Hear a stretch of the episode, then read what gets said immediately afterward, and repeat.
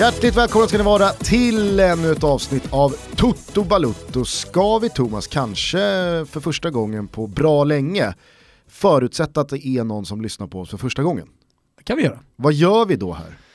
Vi pratar om fotboll, vi pratar inte som många andra poddar, i alla fall när vi drog igång eh, nischat om ett lag eller en liga, utan vi pratar om hela rasket. Toto Balutto, där på namnet. Vissa säger Tutti Balutti, eh, vi säger Toto Balutto.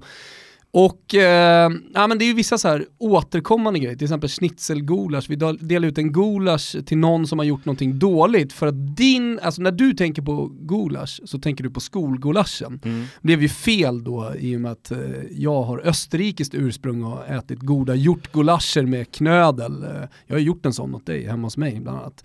Eh, men, men vi tyckte det var så roligt så vi fortsätter med det, så att gulasch är någonting dåligt, schnitzel till någon som har gjort någonting bra. Mm. Eh, och sen sen har vi, ja men vi, vi har kul. Ja, en, en gång i tiden så brukade vi också ringa upp eh, våran utrikeskorrespondent Daniel Larsson som är proffs i eh, Akisar i Turkiet. Men våra telefonimackapärer, eh, de dröjer. Vi har en kille som heter Alex i Uppsala som dyrt och heligt lovar att han ska lösa det vecka efter vecka efter vecka. Mm. Eh, men nu har det nog gått så pass länge att det finns nog de som har lyssnat på Toto Balotto ganska länge och som aldrig har varit med om att vi har ringt Turkiet. Nej. Att vi har lyft på luren och snackat med Danne. Det vi brukar göra ibland också det är ju att eh, kolla läget med Pony! borta i Leeds mm. och se hur läget är. Eh, det ska nu, vi göra fysiskt i helgen nu. Precis, nu åker vi ner till Leeds och eh, vi kommer såklart ta med oss någonting fint därifrån, eller hur Gustav? Ja, mm. inte säker på att det blir minnen. Men någon tröja ska vi väl kunna få med ja. oss. Det är roligt hur som helst att när, när saker och ting som vi har pratat om återkommer. Ja. Jag kommer ihåg eh, för ganska länge sedan när vi snackade om eh, spelare som har varit i, klubba, i många klubbar. Och eh, vi försökte landa i någon slags rekord. Vilken spelare i världen har varit i flest klubbar under karriären? Nu studsade han ju upp i eh, veckan på min Twitter.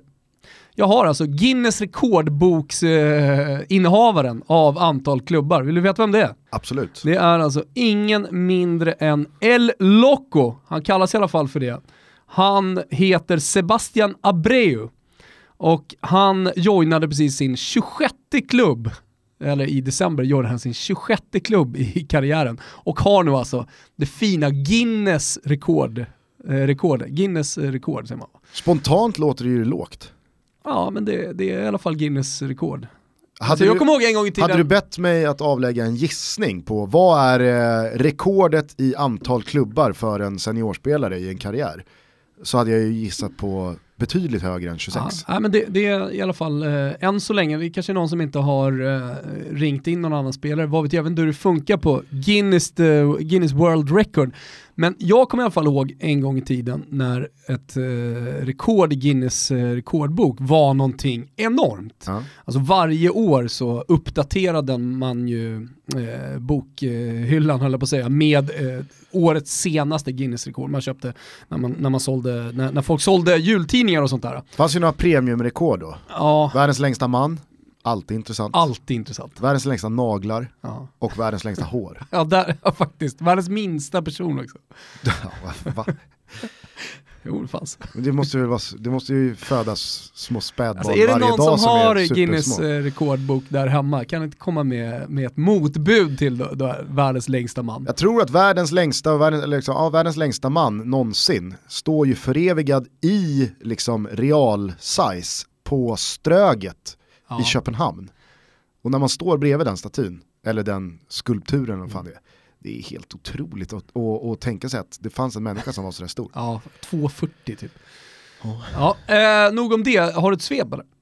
Ja, det är också en sån här återkommande grej vi brukar göra i veckans första avsnitt, ibland när det har varit riktigt händelserika midweeks, Europakupper och så vidare. Då kan vi köra svep eh, två gånger i veckan. Men Kutym är att vi kör ett svep i veckans första avsnitt och eh, efter en så här händelserik eh, helg så är det klart att det finns ett svep redo för er att ta del av. Toto Balutto lyfter på hatten och gratulerar Manchester City, PSG och PSV till återtagna platser på sina respektive nationstroner. De ljusblå skulle ju egentligen få fira till helgen men Mourinhos United stod för säsongens blekaste insats och förlorade hemma mot hopplösa West Brom. Det gjorde att den för tillfället golfspelande Pep Guardiola kunde skrika ut “Få helvete vad skönt!” I den franska huvudstaden skämde de regerande Va? mästarna. det var ju kul. Ja. For helvete vad skönt. I den franska huvudstaden skämde de regerande mästarna Monaco ut sig genom att låta PSG säkra titeln via förlust 7-1. Dani Alves, världens mest meriterade fotbollsspelare, tog ännu en skalp och kan ytterbacken toppa av med ett VM-guld i sommar, ja då får vi nog börja fråga oss hur vi ska vikta brassens karriär. Det handlar ju om att vinna, så hur ska vi prata om Dani Alves i ett historiskt perspektiv? Ja, kan du tänka på Thomas. Mm. Mer från helgen då. Ja, i Italien så drygade Juventus ut serieledningen ytterligare och mest med hjälp av Milans målvakt Donnarumma. 0-0 mellan Rossoneri och Napoli och en bekväm seger hemma mot Sampdoria senare så är vi nu framme vid mer eller mindre matchboll för Juventus till helgen som kommer. Nu möts ju Juventus och Napoli.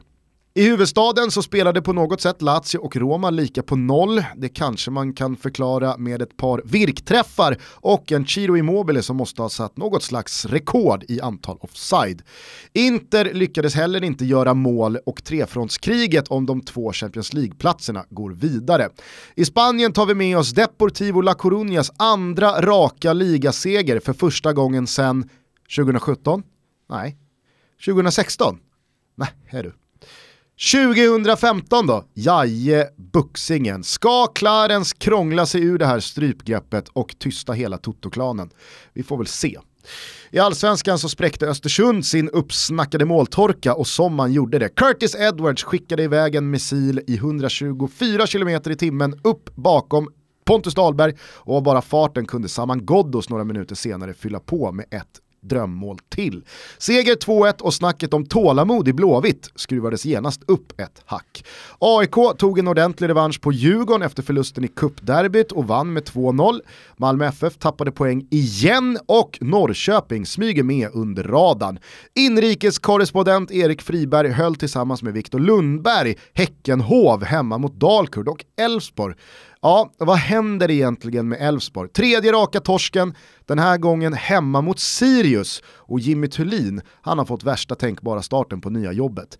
Nio poäng på nio matcher var en gång i tiden ett skämt. Nu känns det som en poängskörd Elfsborg inte ens kommer greja. Eller så är det så bara att Elfsborg vinner tre raka nu, för man vet ju aldrig vad man har i Elfsborg. Ska vi eh, bara påminna våra yngre lyssnare om vad det här 9 poäng på 9 matcher är för någonting. Då hette Nora Strandberg i efternamn, numera heter hon Henriksson i efternamn. Mm. Hon var då Ciceron på Kanal Plus, det här tror jag var innan simor tiden och eh, Elfsborg skulle spela hemmapremiär mot AIK i eh, den andra omgången av allsvenskan. Ska vi gissa att det var kanske 2009? Ja. Eller något. Och eh, Nora Strandberg, eller Nora Henriksson då, ska göra ett par korta intervjuer med tränarna innan avspark, så som man har gjort eh, länge nu. Eh, Magnus Haglund kommer fram till eh, Nora och hennes inledningsfråga är, vad man brukar säga, episk. Nio poäng på nio matcher, så ser jag att facit ut. Varför har det inte gått bättre? I Allsvenskan. Nio poäng på nio matcher, så ser jag att facit ut. Varför har det inte gått bättre? Nio poäng på nio matcher. Ursäkta? Under hösten också såklart. Ja, det var länge sedan. Ja, det har jag inte ens funderat över. Det, det var länge sedan. I höstas var länge sedan nu. Nu har vi spelat en match och då tog vi i och för sig en poäng, så det, men snittet där är rätt. Okej, tack så hemskt mycket. Tack. Det här är ju, eh, det är svensk fotbollshistoria. ja, den rullar några gånger, många som känner igen den här. Och den blir ju, precis som förra veckan när vi spelade upp klippet på den väldigt ledsna eh, Juventus-supporten, som vi väl har eh, placerat geografiskt i El Salvador nu. Ja men det var någon på min Facebook, eh, som, eh, en kompis, en mexare, Eh, som gick under eh, smeknamnet El Gordo och alla som kan sin spanska fattar ju att eh, han var väldigt stor. En fet kille som jag reste runt land och rike med nere i Italien och, hejade på Fiorentina. Han hade alltid en sombrero, så man såg ju honom va, El Gordo. En, en stor profil då inom supporterleden i Fiorentina. Han har flyttat hem till Mexiko nu. Eh, och eh, skriver, svarar bara på den här tweeten med att tagga en polare. Och säger det här skulle kunna vara du eller någonting liknande. Då skrev han nej det kan det inte vara för den här killen är från El Salvador. Eh, och då hör han väl det på dialekten eller någonting. Ja. Ja. Ja, vad det än var så var det i alla fall ett roligt klipp att eh, uppleva eh, bara audiomässigt, men det blev ju ännu lite bättre när man också då såg det, vilket man kan göra på våran Instagram. Eh, det är ju exakt samma sak med det här Magnus Haglund och eh, Nora-klippet. Det är ju kul att lyssna på, men det blir ännu roligare när man ser eh, Magnus Haglunds minspel under de här frågorna som man inte fattar någonting av. Och när Nora då väljer att bara avsluta med att säga tack så mycket och Haglund bara tittar länge på henne och skakar på huvudet. Stirrar ut den. Så, Ja. så jävla sanslöst Annars har det ju blivit intervju. en grej i Allsvenskan med de här intervjuerna. Efter att Olof Lund och eh, eh, Rickard Norling hade en eh, episk stund tillsammans. Idag, som Norling svarar på, på eh, Olof Lunds, enligt han själv, rikssvenska. Vad är det som avgör för er del? Idag? Ja, idag. Idag? Ja. Nu var eh, Axel Pileby på derbyt och gjorde Bordo Campo, eh, intervjuerna där nere på planen. Vi fick ingen ny, men känslan är att det kommer komma flera sådana här eh, under säsongen. Annars står ju Alexander Axén för en del sånt i, i studion när han sitter. En, Verkligen. eh, härliga, härliga profiler i, i rutan, eh, tycker jag. Ja, det får jag Hyllade, skriva, ju, skriva under hyllade ju faktiskt Alexander Axén i en tv-krönika i Expressen i, i fredags. Ja. För jag tycker att eh, det är härligt när det är någon som sticker ut från, någon som tänker lite utanför boxen. Och det är inte det han gör, utan han är ju bara sig själv. Och det är ju det som är så svårt i tv, Mm. att vara sig själv. Man tänker, vad, vadå, det är väl bara att sätta sig där och prata som vanligt. Nej, det är inte det. Det är betydelsefullt än man tror. Det var nog många som såg honom eh, på den eh, lilla innerplans eh, stående ministudion med Anna Brolin förra veckan då när det var IFK Göteborg Hammarby och han pratade med Björn Paulsen efter matchen. Då sa han så här. Where do you want to play? You're strong as fuck when you play as a centre half. You're strong when you play as a striker, and when you play as a midfield. I mean, where do you want to play? Det är härligt. Ja. Alltså Axén, eh, han har ju satt färg på allsvenskan ytterligare då. Men ska vi bara ta oss kort tillbaks till Elfsborg och börja svepreaktionen där. Det är anmärkningsvärt att ett lag som kändes så spännande inför den här säsongen. Jag var en av de eh, många tror jag som trodde att fan Elfsborg kommer smyga med här, det är ingen som snackar om Elfsborg. Visst kunde man se ett Elfsborg som i fjol var ganska så svaga defensivt och man har inte gjort eh, speciellt många nyförvärv för att täta de luckorna. Men det är inte bara defensivt man spelar fotboll utan offensivt så tyckte jag i alla fall att kolla på den här truppen, kolla på de spelarna. Jimmy Thulin var väldigt uppsnackad, Tobias Linderoth lyftes upp som assisterande. Alltså det, det kändes som att med Ishizaki in, med Samuel Holmén, eh, med en ordentlig försäsong i benen så kändes det också som att det fanns rutin eh, och erfarenhet kryddat då med alla de här offensiva pjäserna framåt. Jag kunde inte för mitt liv tro att det skulle se så här dåligt ut. Sen, sen ska man ju ta den här, den här öppningen för vad det är också. Du pratar om tålamod i IFK Göteborg-leden. Vi måste prata om tålamod också för Jimmy Tillin och eh, detta Elfsborg. Det är en usel start och det är eh, missräkning och torska hemma mot Sirius och allt det där, det är alla med på. Men Alltså lå, låt dem jobba lite, lite längre innan vi dödförklarar Jimmy Tillin som, eh, som tränare. Eh, och, och jag, jag menar verkligen, jag tycker det är i alla sammanhang. Vi hade, vi hade en liknande scenario med Öskan eh, förra året i Djurgården. Kollar du internationellt så är det ofta du landar där. Det ser dåligt ut i början, men så börjar det gå bättre. Ta Klopp till exempel i Liverpool, tycker jag är ett jättebra exempel. Spelarna var inte redo att lira hans typ av fotboll. Eh, så första månaderna blev det mycket skador, eh, man förlorade mycket, alltså resultatet gick inte vägen. Eh, och sen så när han då nu har haft ett par försäsonger eh, och liksom har kunnat slipa truppen med de spelarna som han vill ha, så flyger ju Liverpool på ett helt annat sätt. Sen så kanske inte, kanske inte räcker till en ligatitel, men de är i semifinal i Champions League. Det här är Klopps fotboll. Det här, när, när de spelar maxat, då är det få som kan, som kan slå dem. Uh, och jag, jag, jag, tänker bara på det med Thelin och generellt sett, vi kan, vi kan applicera det på IFK Göteborg också. Lite jävla tålamod får man ha. Ja, ja, självklart. Samtidigt så är det ju, hade det varit Malmö hemma i premiären och sen låt säga Gnaget borta och eh, Norrköping eller Djurgården eller något annat förväntat topplag hemmaplan. Ja då kanske det hade varit lite annorlunda också. Nu är det ändå Kalmar och Sirius i de två senaste. Man har inte gjort mål, man har förlorat båda. Det ser ju faktiskt ganska så alarmerande dåligt ut. Och jag kan låta, vi, kan väl låta nio poäng på nio matcher då vara en slags eh, måttstock Absolut. på Elfsborgs start. För nio matcher, det är ändå nästan en tredjedel av den allsvenska säsongen. Vi behöver inte förila oss här och som Nej. du säger dödförklara Thelin.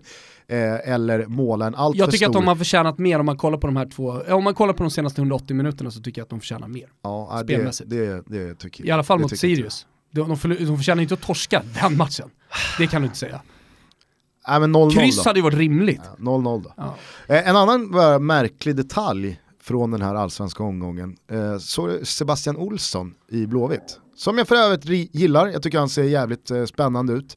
Han eh, gick ut igår på Jämtkraft Arena med kramp i vaderna efter 25 minuter.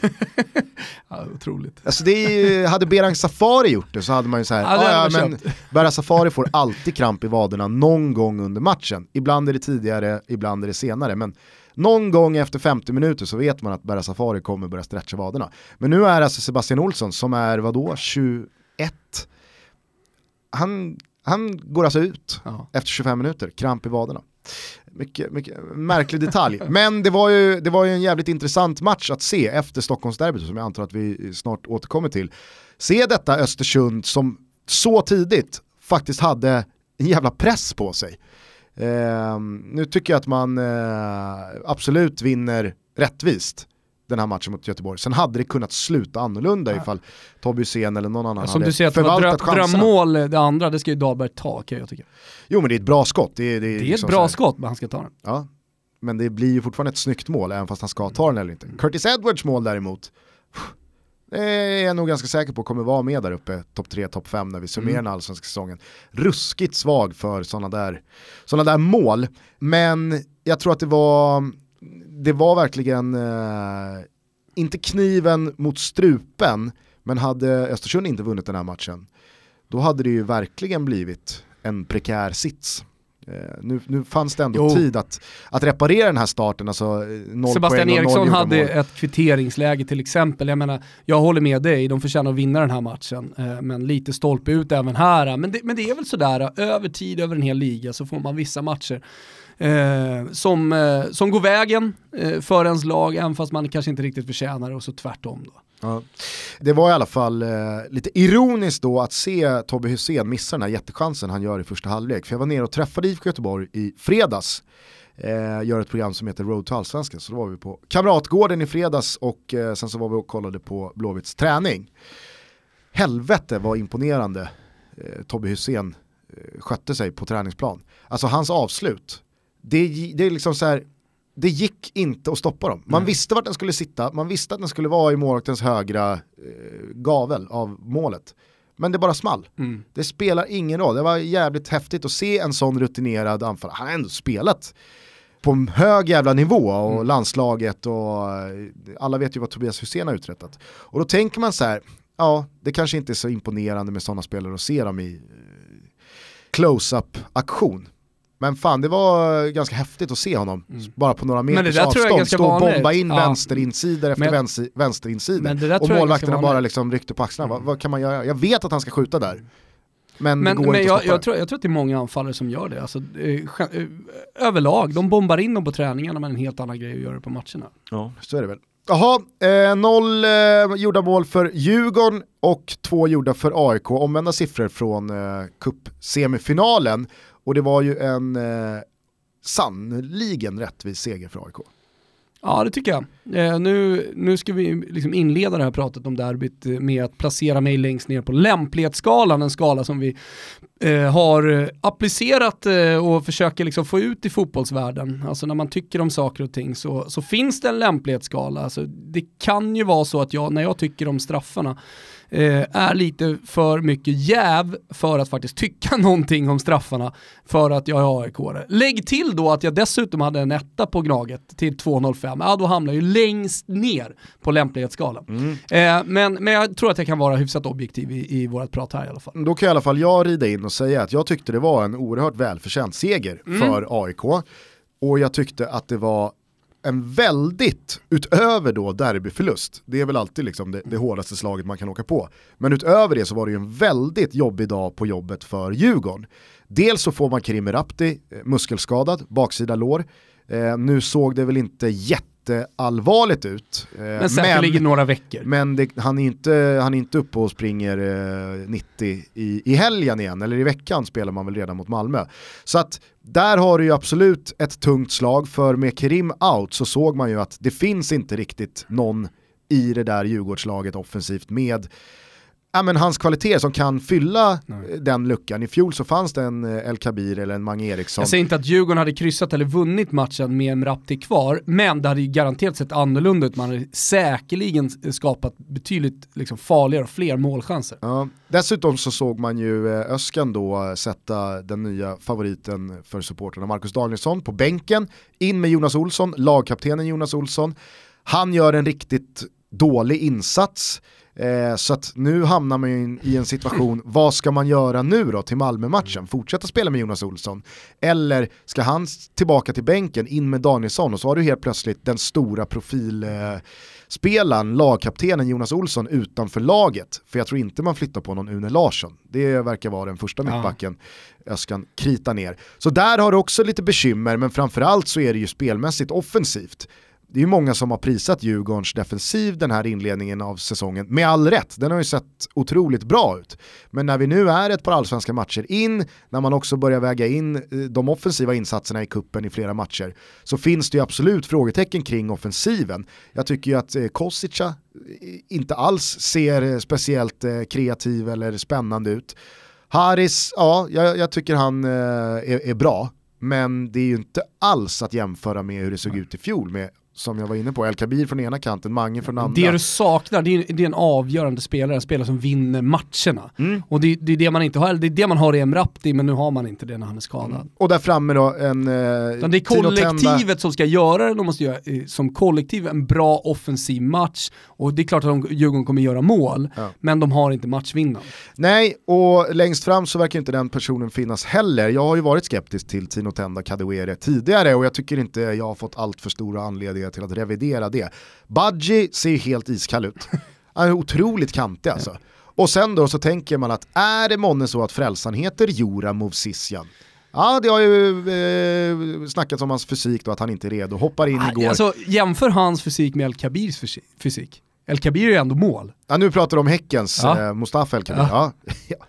ja, ja, så är det väl. Jag menar, eh, det, det, det där är ju en inställning som Toto Du alltid har haft. behöver Att, inte se ut som en jävla jakthund i allsvenskan. nej, nej. Gör du dina poäng så är Med det klass nästan, är det nästan att så kommer du föredra. långt. Ja. Att, att, du, att du ser lite utanför det mallen finns ut. många exempel på genom historien. Nej men då har ju då alla Kajan säkert till sett, exempel. eh?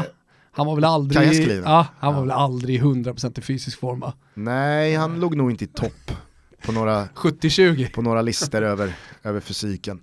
Nej men eh, alla har nog sett då Jura Movsisjan skalla ut sig från det här derbyt. Man kan säga vad man vill om Daniel Sundgrens beteende i den situationen, men att det är rött kort på Jura Movsisjan, det är det ju inget snack om. Det är återigen ett clear cut case. Mm.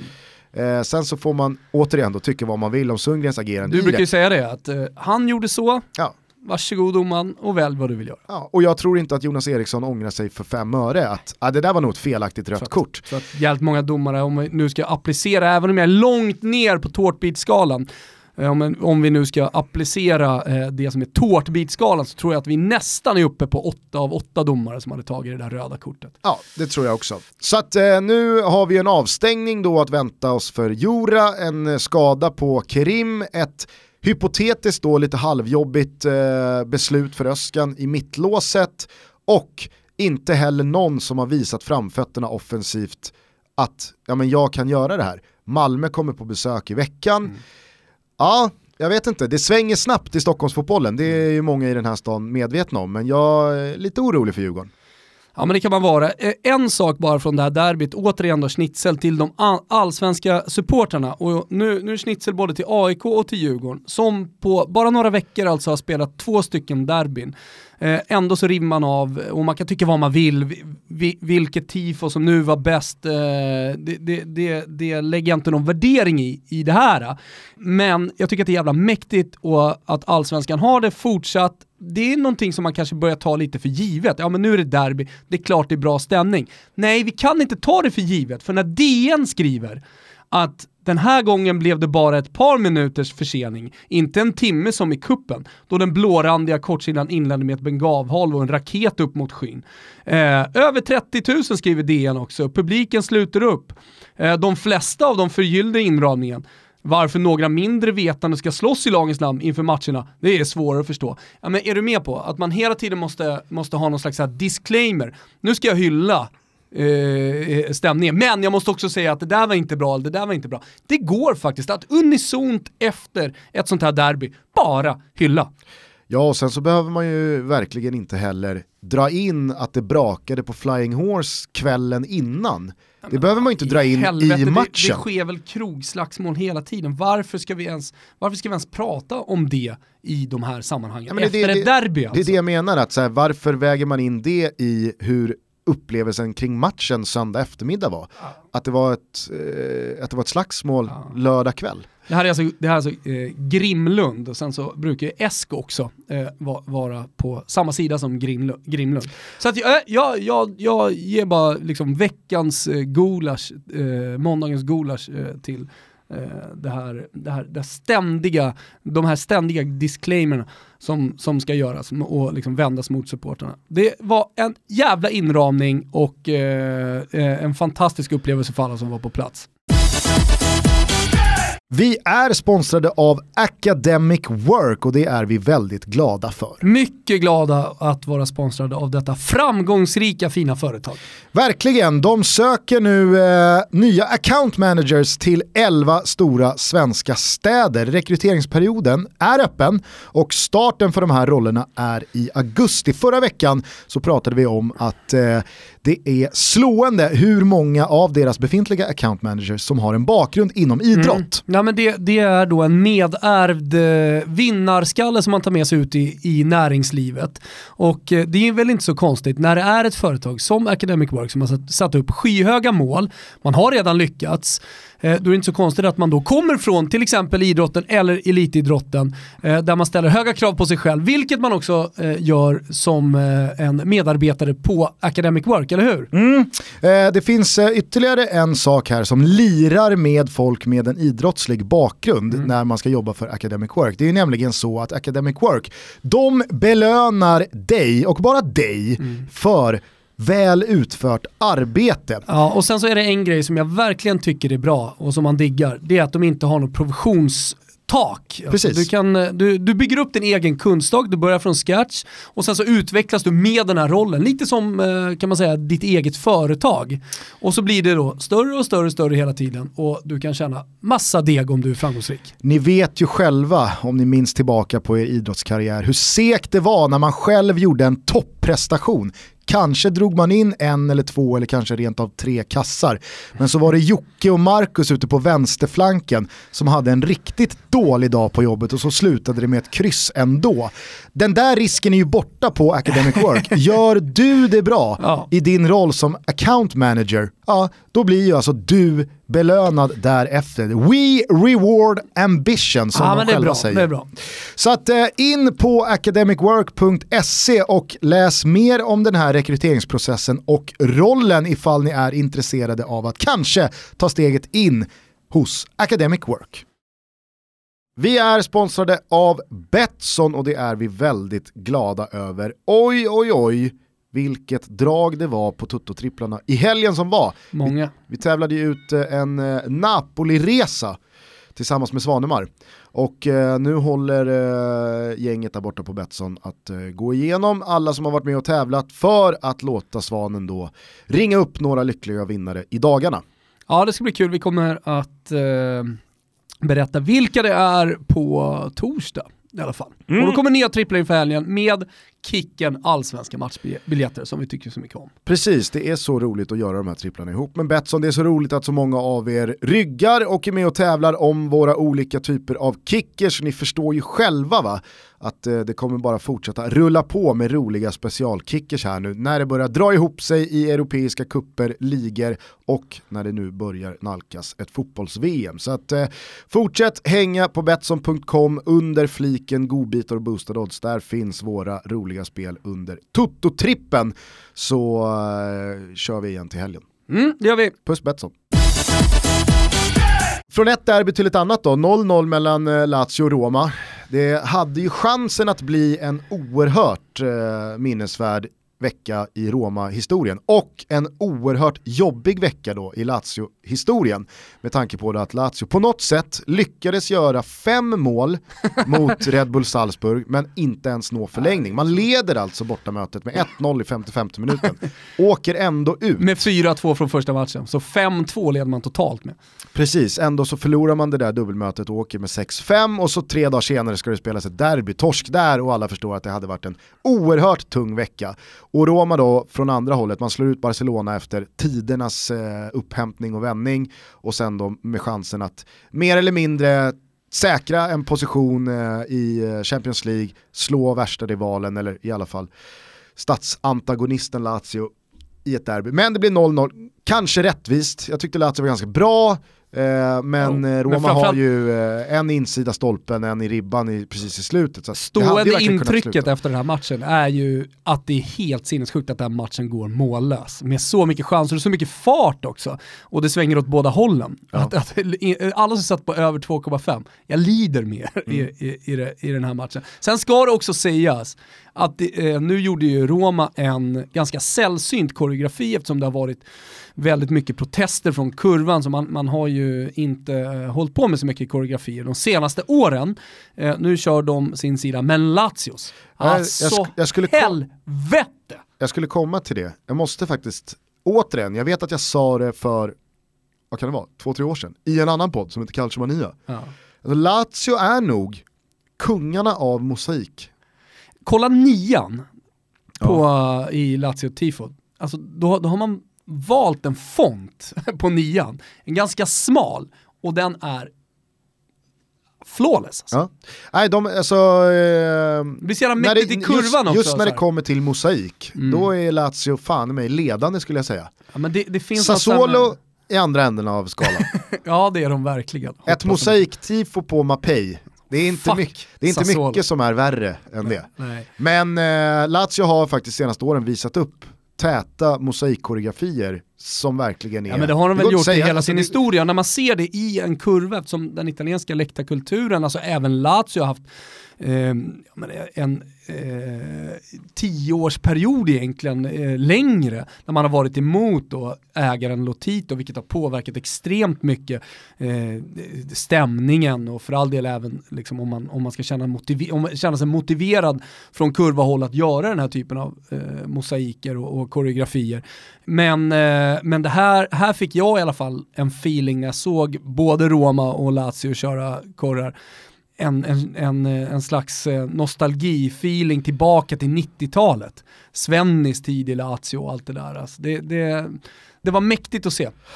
Det var mäktigt att se, det, det är den första att eh, säga då. Men eh, lite besvikelse att det inte kunde få bli den här episka veckan för eh, Roma. Ja. Men vad fan!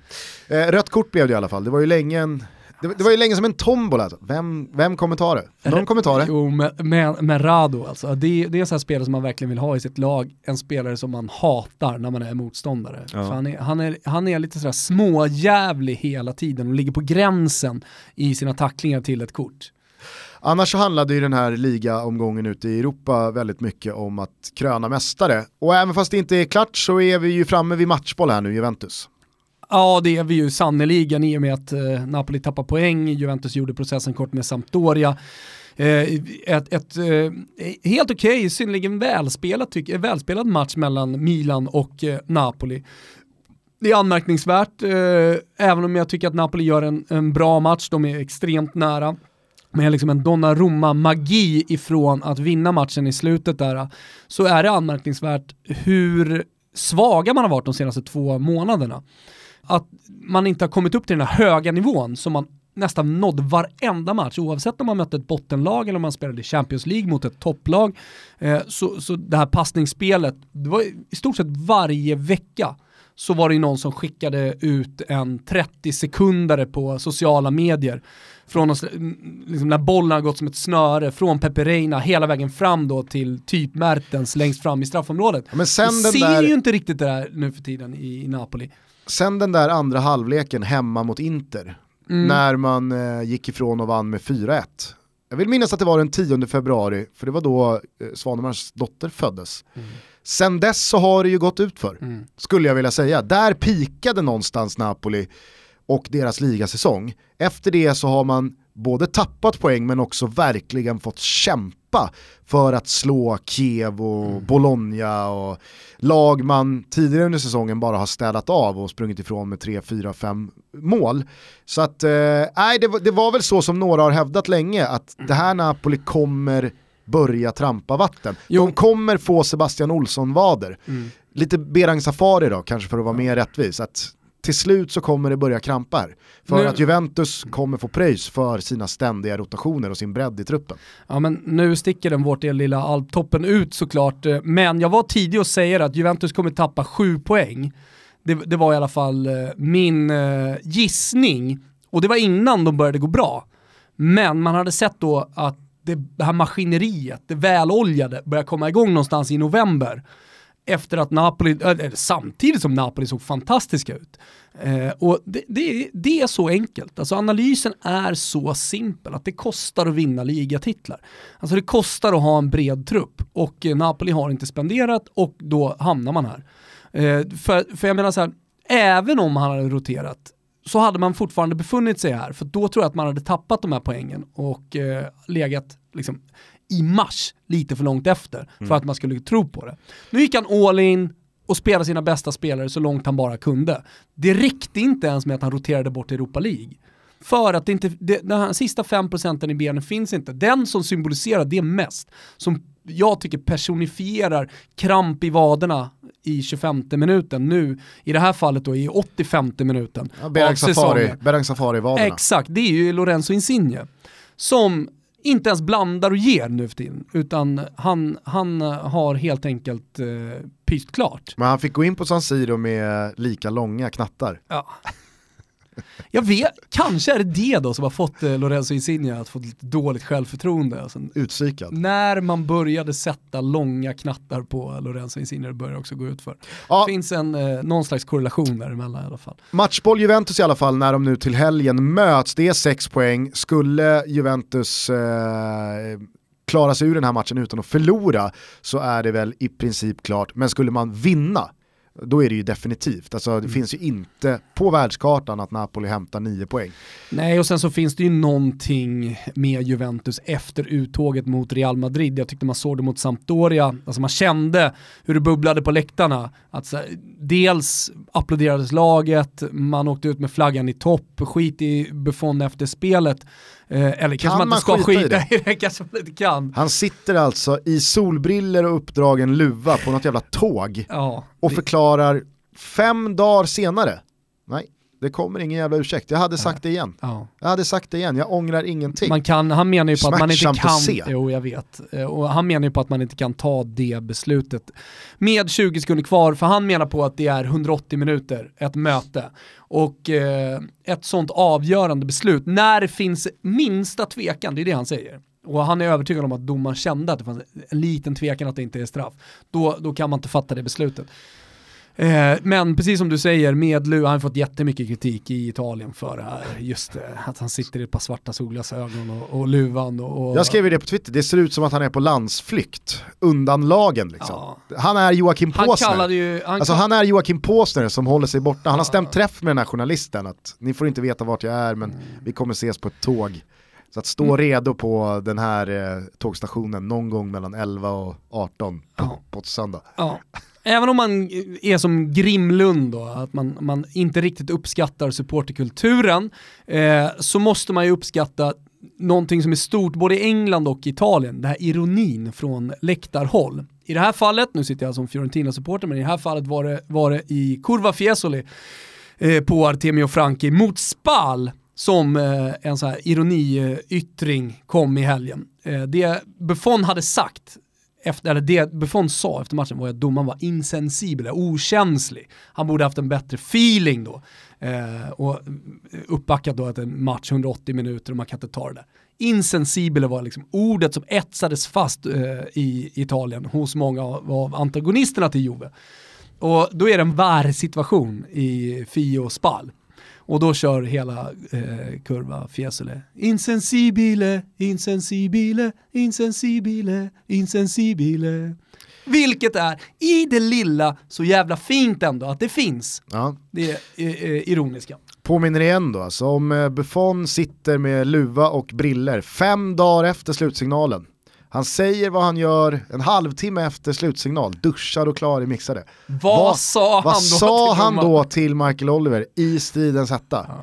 Det kommer vi nog aldrig få veta, men eh, jag vågar ta Sen- gift på att det var värt ett rött kort. Ja, sen innan folk börjar knappra på tangenterna och mejla till oss på totobalota.gmail.com så kan vi konstatera att det blev ett väldigt trist eh, efterspel för Michael Oliver där han har blivit hotad och hans familj har blivit hotad eh, och, och, och allt sånt där. Och det, det, det är ju såklart eh, för jävligt. Verkligen. Men Juventus då eh, har matchboll i ligatitelracet i Italien. Några som däremot är klara, PSG, 7-1 mot Monaco. Som alltså betalar tillbaka eh, biljettpriset till alla supportrar som hade åkt till eh, Parc des Princes. Och försökt Har följa. du varit på Parc des Princes? Ja, det har jag. Jävla bra arena ändå. Mm, den är fin. Mm. Det är Jag fint. såg Kroatien-Turkiet där. 7-1 alltså till PSG. Vad tycker du eh, om frågan jag ställde i svepet där?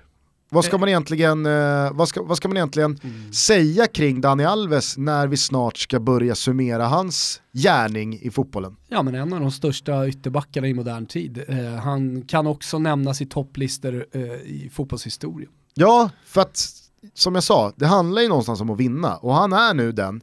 Sen kan man säga vad man vill om så här supercupfinaler och Confederations Cup och ja, men han har ju vunnit stora titlar också. Ja, nu har, jag tror att det här var hans 38 titel i Är det- karriären. Vad har Maxwell här?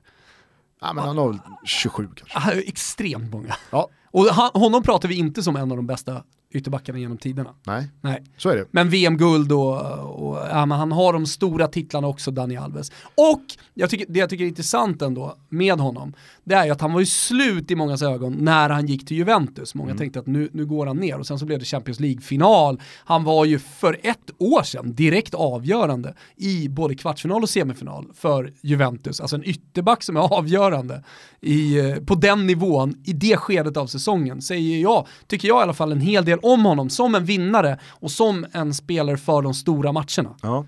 Och som jag sa, alltså, säga vad man vill om några av de här eh, titlarna och meriterna i hans långa digra lista. Det handlar om att vinna, han har gjort det, han har varit framträdande, alltså det är inte någon som har suttit på kvisten och tagit pröjs och bara hängt med i 12 år och fått medalj efter medalj, utan han har ju verkligen varit en nyckelspelare i alla de här lagen, alltså Barcelona, Juventus och eh, PSG.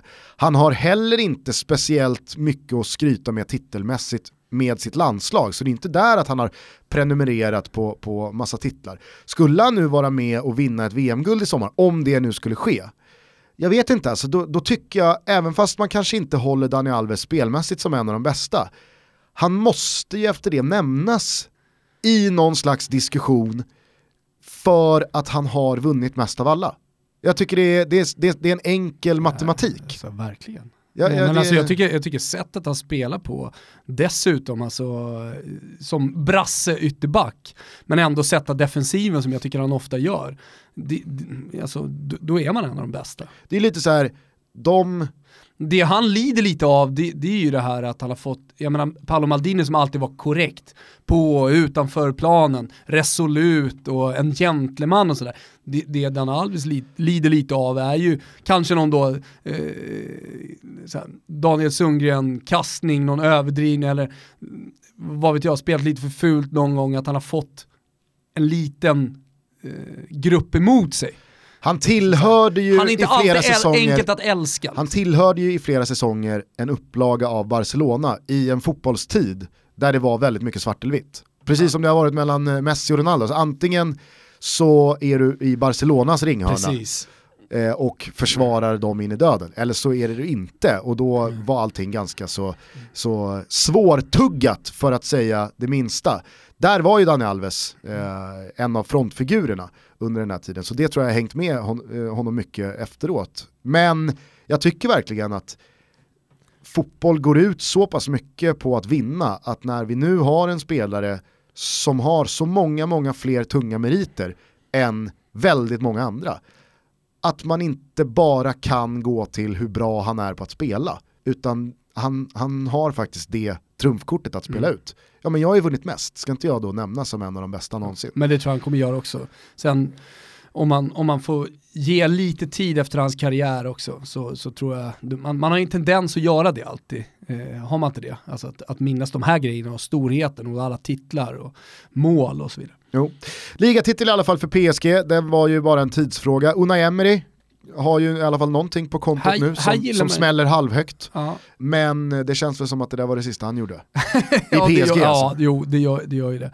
Eh, men eh, här har vi ju då, får man ju säga, eh, med tanke på vad vi har pratat om i det här avsnittet, vår gubbe, presidenten i eh, PSG. Nasser. Som, Nasser, som eh, går ut efter matchen och är förbannad eh, på grund av att PSG-supportrar då har portats till den här matchen och inte får komma in, så stämningen blir inte så bra. Och han, han tycker att det är uselt med tanke på att den här matchen då spelas den tiden den gör, inte så mycket konkurrens från annan fotboll eh, och många ögon på sig och så får man inte det här trycket eh, och så, så eh, går han ut och är extremt kritisk då till att eh, supportrarna inte kan få komma in och skapa det här trycket. Så vi ställer oss på Nassers eh, jävla eh, sida här. Ja, det är inte många gånger man gör Nej, det. man gör ju inte alltid det. Va? Men då kan man i alla fall, eh, om man nu skulle vilja råda bot på en sån här icke-existerande partystämning, då kan man ju göra som eh, Manchester Citys filial i Förenade Arabemiraten gjorde, nämligen sätta ihop en, eh, en, en, en, en firarvideo när nu City har säkrat ligatiteln. Du såg den? Ja, jag såg det. Den har ju snurrat på eh, sociala Alltså, medier. vet du vad det sjuka är med den? Alltså jag sjunger ju den där låten dagligen för min ettåriga dotter Florence. Mm. Kanske inte just den, Jo. alltså som de sjunger. Nej fast det var ju ändå så här klappa händerna, Ja. stampa fötterna, Ja, ja. det enda de missar det är ju att slå på läppen.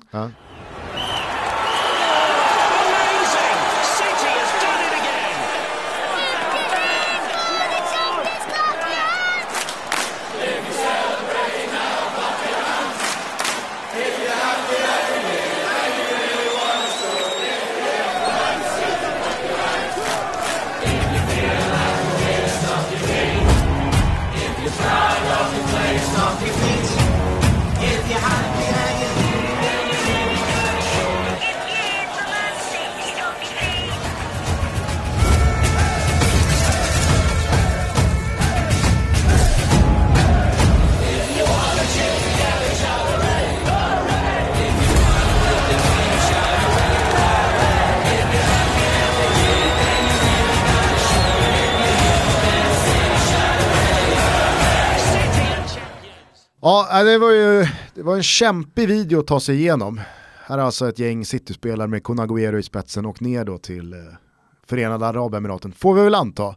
Och eh, satt ihop en, en liten firarvideo, redo att skickas ut när då ligatiteln var i hamn, vilket den blev då igår när United torskar hemma mot West Brom i en besynnerligt jobbig match. Att, Alla att se. vi som älskar City klappar nu. Ja, precis. Nej, men jag, jag tycker den här videon och sättet City vinner ligan på, alltså genom en United-förlust hemma på ett regnigt Old Trafford mot eh, West Brom, summerar lite den pyspunka som deras säsong fick.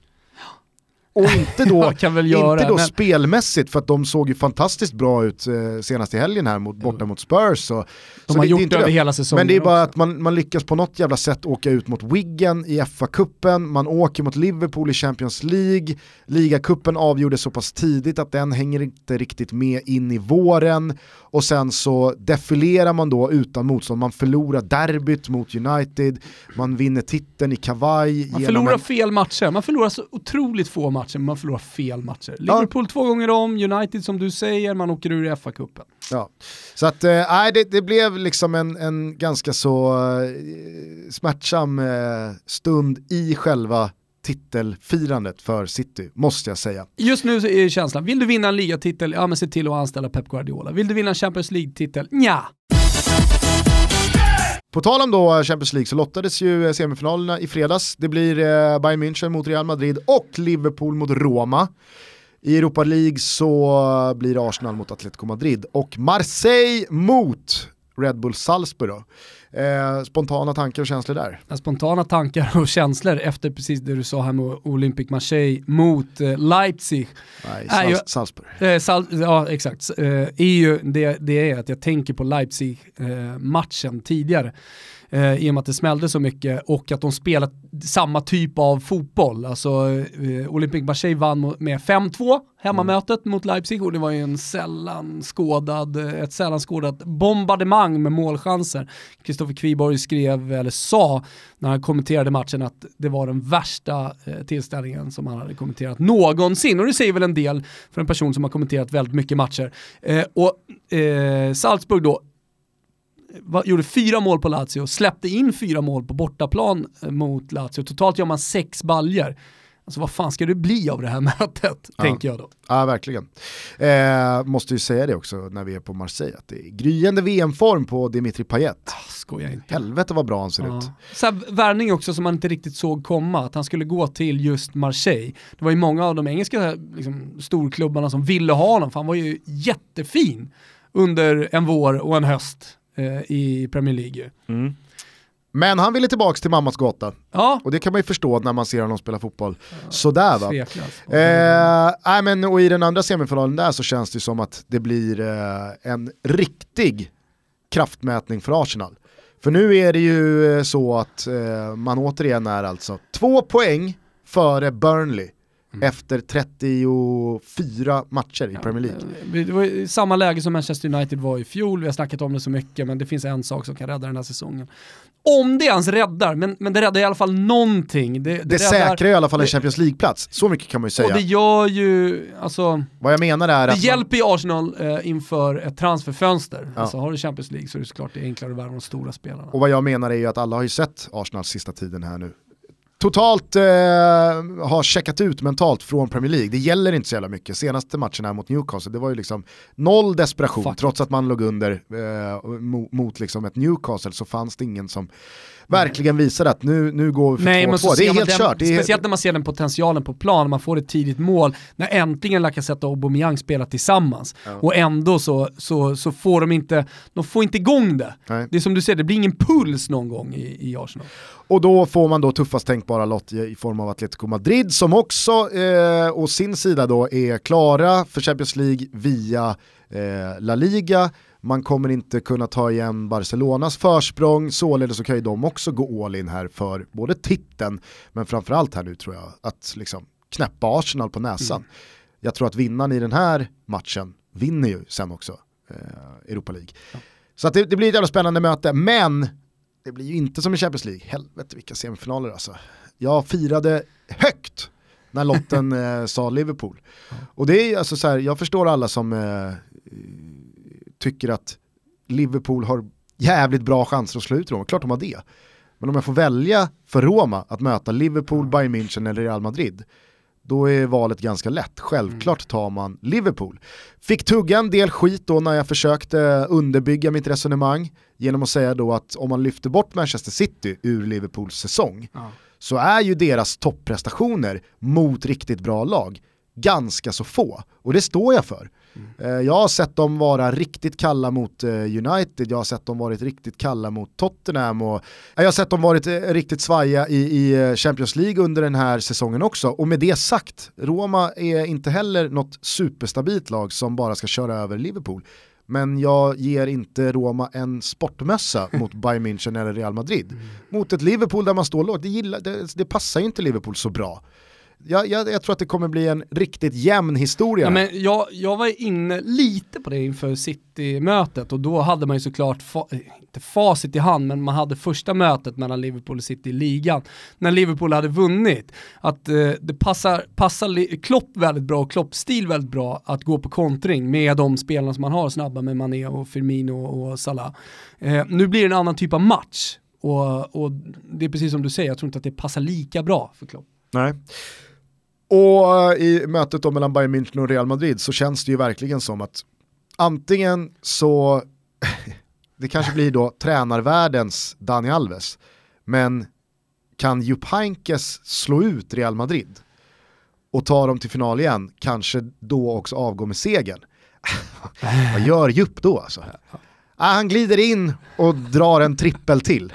Trollar Jo, men- fram en trippel alltså, ur, ur hatten. all- all- Gammelhatten. Ja, men alla intervjuer som jag läst med honom under den här säsongen har ju också varit så här, jo, jag kommer in och hjälper dem lite. Ja. Jag, äh, men, jo, men, men det finns ingen chans att jag kommer fortsätta. Jag, jag, jag, jag kör på för att Bayern München behöver mig. Lite grann så. Jävligt oväntat att det ser ut att bli Robert Kovacs Ja, som tar över Ja. Bayern München i sommar. Här. Verkar ju vara lite strul här nu med hans nuvarande klubb Eintracht Frankfurt. De verkar inte vara super överens om att det här är klappat och klart. Nej. Men tror man tysk media så Jo, men- blir det Kovacs som tar över eh, Tror man tysk fotbollspolitik så vet man ju var det här kommer landa. Ja, men frågan är vart det här lämnar Nagelsmann. Ja. Han skulle nog ha tagit chansen och bråka sig bort i vintras. Men eh, istället Fan så vad är han har hyllats alltså. Jo men du vet såhär, Tuchel tar PSG, Kovacs tar Bayern München. Ja. Vad ska, ska Nagelsmann ta ett deppigt Dortmund på väg ner? Poja gjorde rätt. Han tog IFK Göteborg direkt. Exakt. Eller hur? Innan någon hinner eh, syna mig Ska bara säga så det. hoppar jag på de, de stora elefanterna. backar lite bandet i, i det här programmet. Du sa, jo men eh, vi var många som trodde på Elfsborg högt och de hade det här och det här.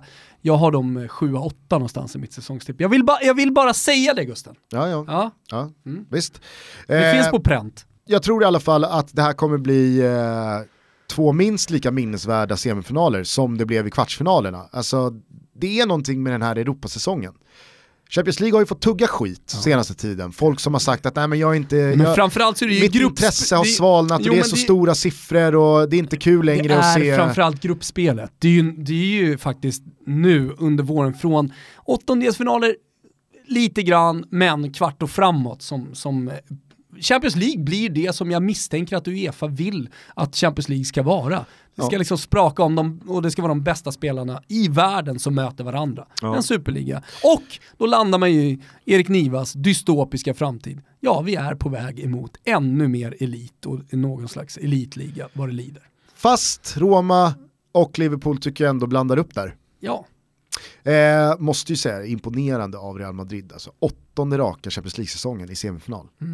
Det är åttonde raka och in, påminner också folk om att Real Madrid var det första laget att vinna Champions League två år i rad Mm. när man gjorde det förra. Kan gå för ett hattrick här nu då. Yes. Ja, det blir spännande. Vilka, vilka säger du med allt inräknat här då? Jag vet att Nej, eh, jag säger skadesituation och sådär får Ja. man väl eh, ta en vecka till i beaktning. Ja. Men eh, vilka tror du spelar final i Kiev? Jag har, ju, jag har ju sagt i flera år att det är dags för Bayern München att vinna. Så nu har man några semifinal-torskar här. Eh, så, så jag får väl stå på med det här med Liverpool som outsider. Mhm, mhm. Ja. Ja, jag tror, eh, jag tror eh, Roma kan, eh, Roma kan nog fan lösa det där. Tyst bara, väldigt roligt. Fast det är ju helt sjukt egentligen att Roma eller Liverpool ska Vet spela du vem Champions jag League-final. unnar det här? Är inte det sjukt? Jo, det är faktiskt sjukt. Men vet du vem jag unnar det här? Daniele De Rossi. Mm. Alltså som alltid har varit då den eviga vicekaptenen, Danielino eh, som eh, ja, stått i skuggan av Totti. Jag vet att vi pratade om det nyligen också, men, men det tåls att säga igen. Sägas igen. Totti har aldrig varit framme i en semifinal. Tänk om han då skulle gå hela vägen fram till en final och dessutom vinna. Ja men då skulle man ju kunna kröna hans karriär. Och tänk om Mohamed Salah skjuter ut Roma med två, tre riktiga jävla klasspytsar. Ja, då får du kämpa Då blir det jobbigt. Ja. Då blir det jobbigt. Det, var ju kul för övrigt att vår eh, superduper-producent Kim Wirsén, han var på plats eh, på Anfield i helgen Ja. och såg eh, Liverpool slå Bournemouth med 3-0 eh, och såg då Salah dels göra sitt 30 Premier League-mål för säsongen men också på sättet han gjorde det. Det är otro, en otrolig speluppfattning Ja. men också utförande i, i det avslutet. Sen missade han ju ett par givna lägen tidigare i matchen men Du, hej, vem bryr sig? Om Liverpool skulle vinna Champions League, säg att Egypten gör ett helt okej V, eller ett jättebra VM och går till kvartsfinal. Nu bara liksom spekulera fritt. Jag vet inte hur långt man måste gå i, i VM. Eh, eh, Argentina vinner inte, Hyfsat tacksam grupp hyfsat tacksam grupp. på Eh, Egypten alltså. Portugal eh, gör, ja, åker ut i åttondelen. Då luktar det väl fan första guldbollen på jävligt länge sedan eldkvarn brann som inte går till Messi eller Ronaldo. Gör det inte det ändå? Champions League-titeln. Salah avgör finalen. Alltså, det är ju hypotesen, men jag menar så här, vi har ju inte ens varit nära Nej. att någon annan ska vinna en guldboll på så många år. Är vi ändå inte, alltså fortfarande hypotes, men är vi inte lite nära ändå? han behöver ju vinna Champions League i sådana fall. Ja. Så där kan vi ju börja. Men skulle han göra det och som du sen då säger att eh, VM inte går till vare sig Messis Argentina eller Ronaldos Portugal, vilket Just- jag inte tror. Just Eh, nu, då- vem då- har guldbollen just nu? Ja, det skulle jag nog säga Cristiano Ronaldo har. Mm. Eh, och det är ju bara, alltså, Vem är tvåa? nej men jag skulle säga så här, det har han ju för att man är ju så färsk i sin känsla där. Det är ju att Ronaldo har varit så framträdande i de största matcherna den senaste tiden. Det är där, han har ju inte vunnit någonting än i år. De kommer inte vinna ligan, de kommer inte vinna kuppen. Eh, jag tror inte att Portugal kommer gå hela vägen i VM.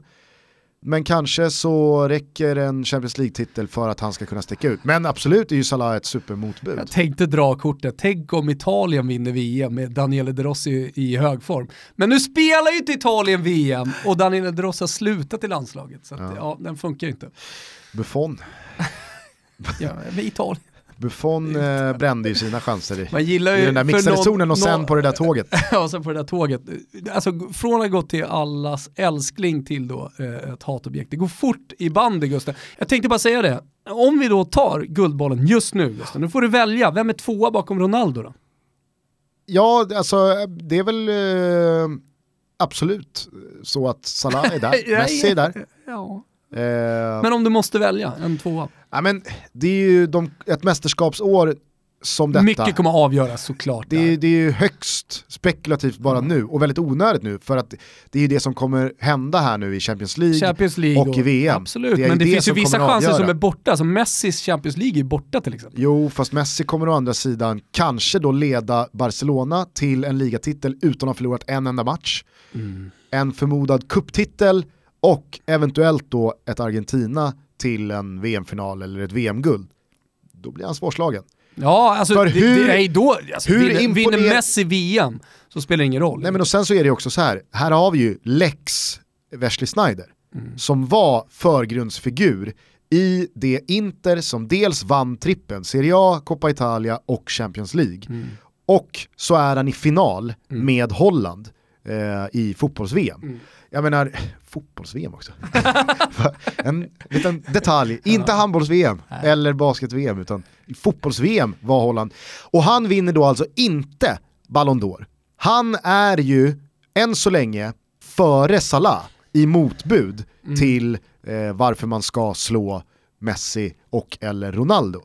Och med det i åtanke, ifall inte Schneider vann 2010 så är ju Salah fortfarande inte förbi Messi eller Ronaldo. Men han är För Premier det tror jag League. alla... Han är ändå Premier League. Ja, ja, men det tror jag ändå alla är överens om att trots Salahs siffror, trots hans fenomenala säsong, så är man inte... Jag skulle vilja säga, inte- får jag bara han, han är mer Ja, upplyft jag bara- i media och brett än vad, än vad Snyder var där och då. Ja, och men- det är ju på grund av att han spelar i Liverpool Ja. och i Premier League. Men den, den största Salah-anhängaren, ja, kanske att egyptierna säger emot där, Ja, men till ju- och med de största Salah-anhängarna tror jag inte på allvar menar att Mohamed Salah är bättre än Cristiano Ronaldo och eller Lionel Messi. Och det är väl det någonstans som Eller? det där priset handlar om.